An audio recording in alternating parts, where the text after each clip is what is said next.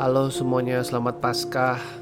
Aku cuman mau share dikit aja soal perenungan aku selama Paskah tentang kematian dan kebangkitan Tuhan Yesus.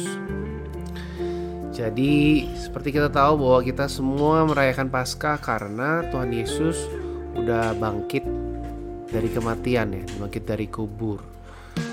Dan kebangkitan itu nggak ada artinya ya. Kalau misalnya Tuhan Yesus nggak pernah mati gitu kan.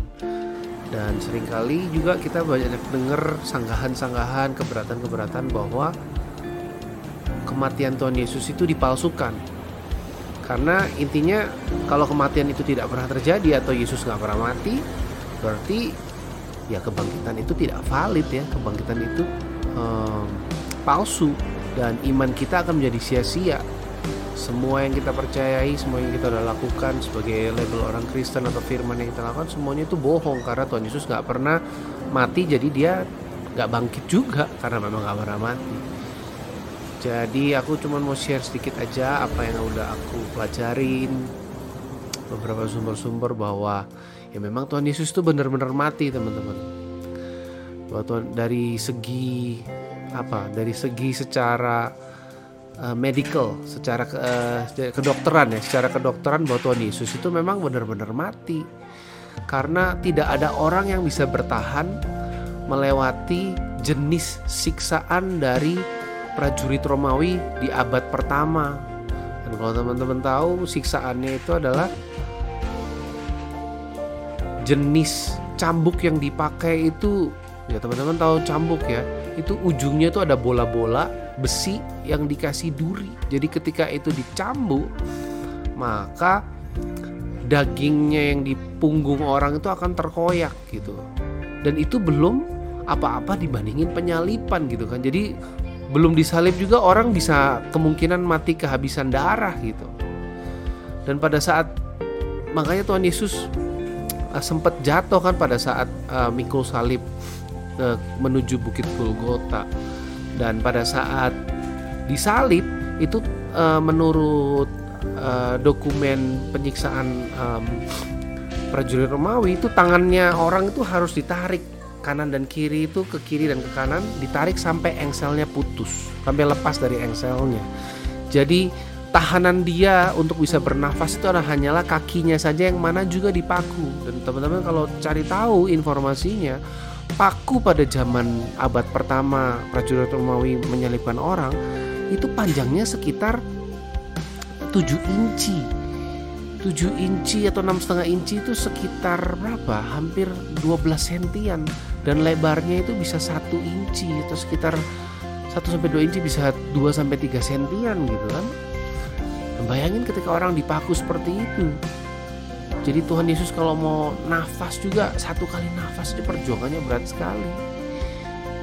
Kira-kira ada orang yang bisa hidup nggak ya ngelewatin siksaan macam itu? Dan kalau orang bilang bahwa Tuhan Yesus itu kematiannya dipalsukan atau pura-pura pingsan atau hanya pingsan, masalahnya kekejaman uh, orang prajurit Romawi ini luar biasa. Mereka mastiin kalau orang yang disalibkan itu ketika turun dari salib itu diperiksa apakah mati atau enggak caranya gimana? Dikasih makan ke anjing gitu kan. Tapi memang kan kalau Tuhan Yesus uh, nggak dikasih makan ke anjing ya karena udah di uh, diminta gitu oleh Simon dari Kirene melalui Pontius Pilatus bahwa mereka uh, uh, bahwa Simon ini pengen menguburkan Tuhan Yesus di tempat kuburannya yang seharusnya jadi tempatnya Simon dari Kirene Gitu teman-teman. Jadi kalau kita pikirin kematian Tuhan Yesus ya itu memang benar-benar benar-benar benar-benar mati.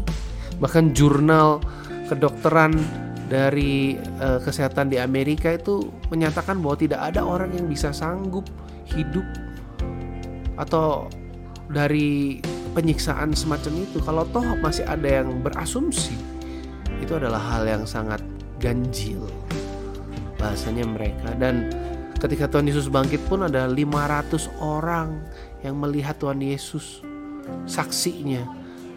Dan kalau dibilang itu adalah halusinasi atau apa brainwashing ya itu abad pertama.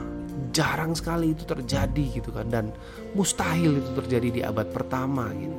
Sejak kebangkitan Yesus itulah murid-murid berani menulis perjanjian baru kisah perjanjian baru yang mana jumlahnya itu lebih dari 5000 salinan.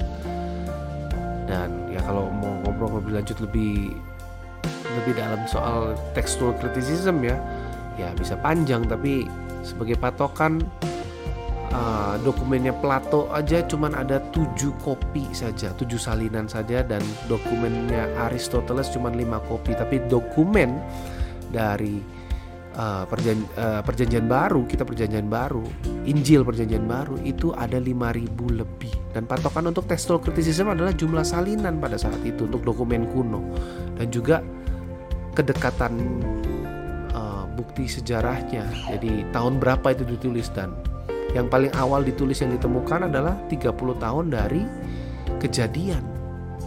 Dari kejadian Tuhan Yesus bangkit 30 tahun paling dekat.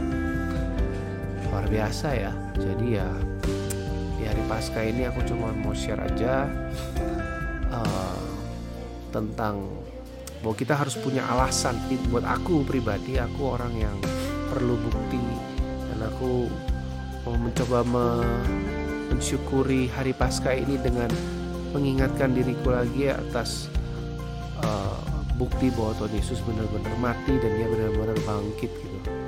Semoga ini bisa jadi berkat buat teman-teman.